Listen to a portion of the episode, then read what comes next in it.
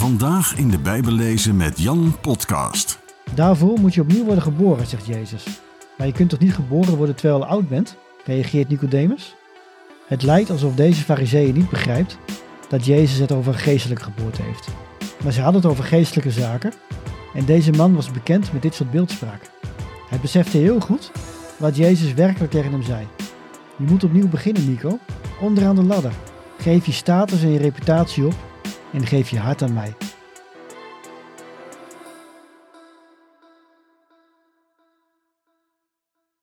Welkom terug bij de Bijbellezen met Jan podcast. Ik geniet ervan om minimaal één keer in de week een aflevering online te zetten. Op het moment dat ik dit opneem, is de 40 dagen tijd net begonnen. Ik ben met een grote groep mensen bezig met een Pasen Challenge. We lezen samen 40 dagen lang in de Bijbel om ons zo geestelijk voor te bereiden op Pasen. Goede Vrijdag en Paaszondag zijn toch wel de belangrijkste dagen in de menselijke geschiedenis. Op Goede Vrijdag gaf Jezus zijn leven voor ons, zodat wij weer bij de Vader kunnen komen. Op Paaszondag stond hij op uit de dood, als teken van de overwinning. De zonde en de dood zijn verslagen. Wie op Jezus vertrouwt, heeft het eeuwige leven.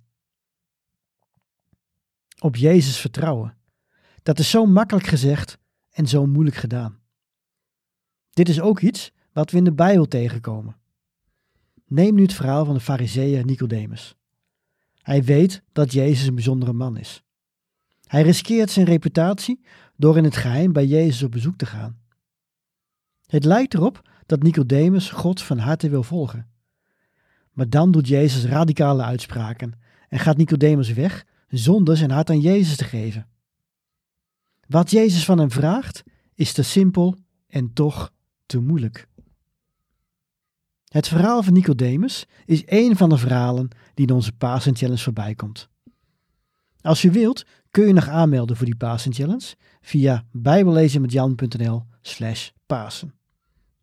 Nu wil ik je graag deze les laten horen en hij is getiteld Durf je bij nul te beginnen? Durf jij bij nul te beginnen? Vandaag eerst even dit. Laat deze les goed op je inwerken. Meer nog dan de vorige lessen van deze challenge is de boodschap persoonlijk, misschien zelfs confronterend.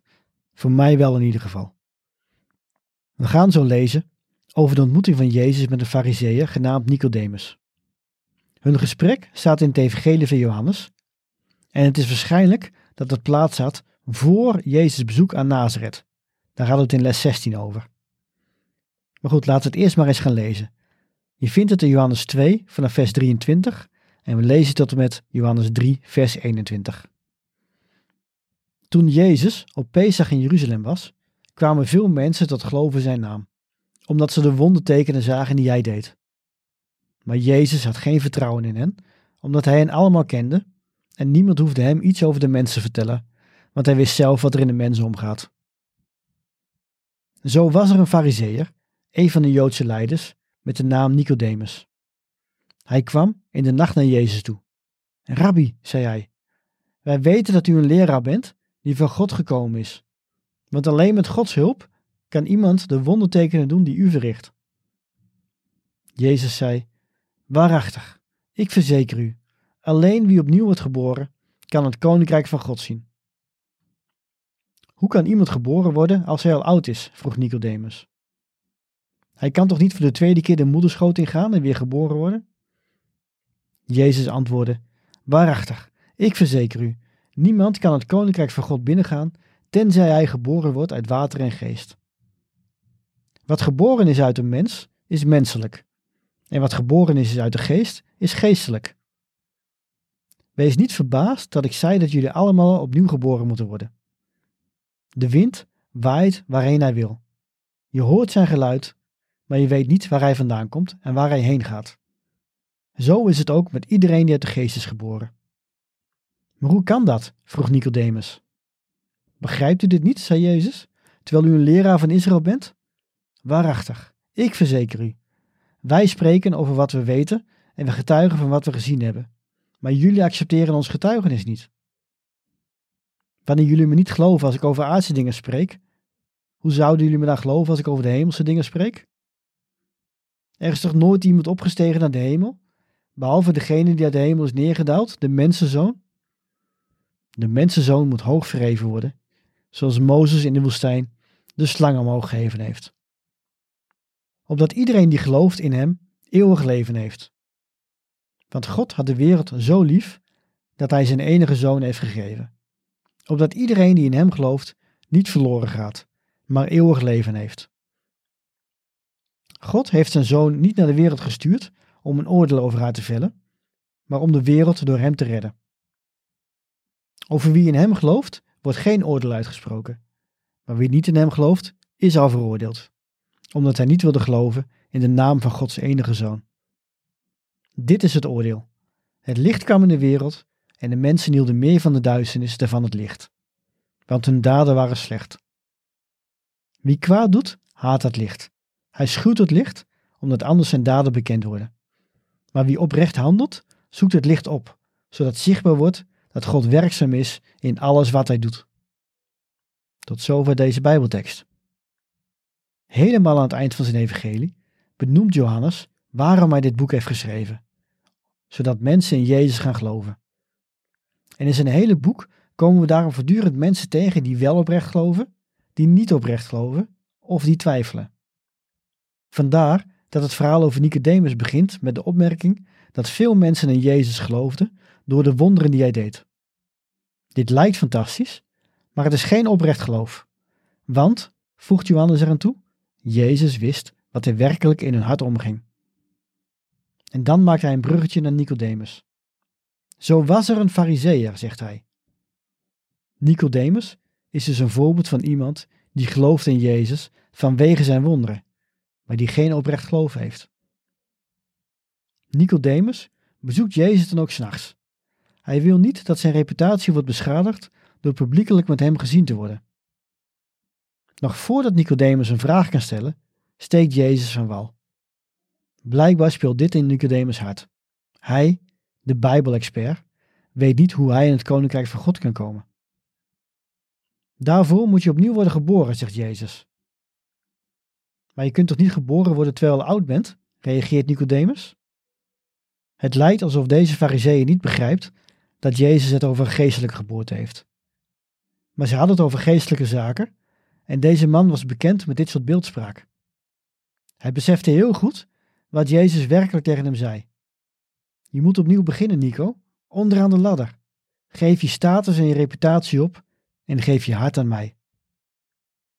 Maar Nicodemus heeft veel te verliezen. Hij heeft zijn hele leven hard gewerkt om gezag en aanzien op te bouwen. Moet hij dat nu allemaal opgeven? Ja, zegt Jezus, je moet opnieuw beginnen. Je moet je reinigen en de geest zijn werk laten doen. Jezus gebruikt die beelden uit het Oude Testament. Nicodemus moet zich reinigen van de zonde en geestelijk tot leven komen. Dat kan alleen als hij zijn hart voor Jezus openstelt. Maar hij moet er wel bereid zijn alles los te laten wat hij met veel pijn en moeite heeft bereikt. Nicodemus kan deze stap niet zetten. Hoe kan ik nou opnieuw geboren worden? vraagt hij.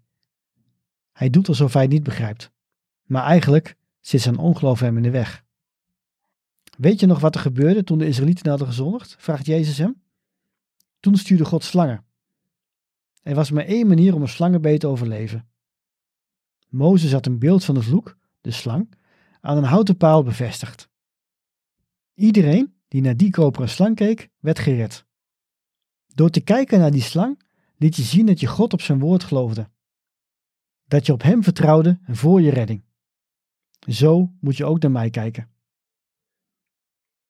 Nicodemus is uitgepraat. Hij zegt niets meer. Hij kan zijn hart nog niet openstellen. Maar Jezus stelt zijn hart wel open. God had de wereld zo lief, Nico, zegt hij, dat hij zijn enige zoon offerde, zodat iedereen die gelooft behouden blijft.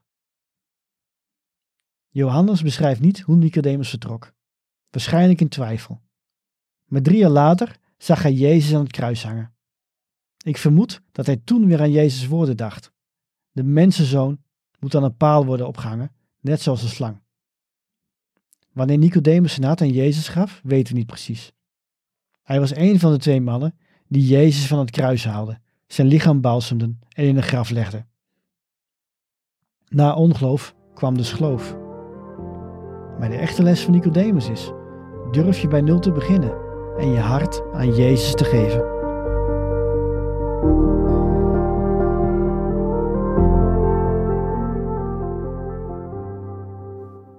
Tot zover deze uitdagende overdenking over de ontmoeting tussen Jezus en Nicodemus. Zoals gezegd, je kunt nog steeds meedoen met de Pasen Challenge, ook als je dit ver in de toekomst luistert. Kijk op bijbellezenmetjan.nl slash Pasen en meld je aan. Ik wens je veel zegen en tot de volgende aflevering.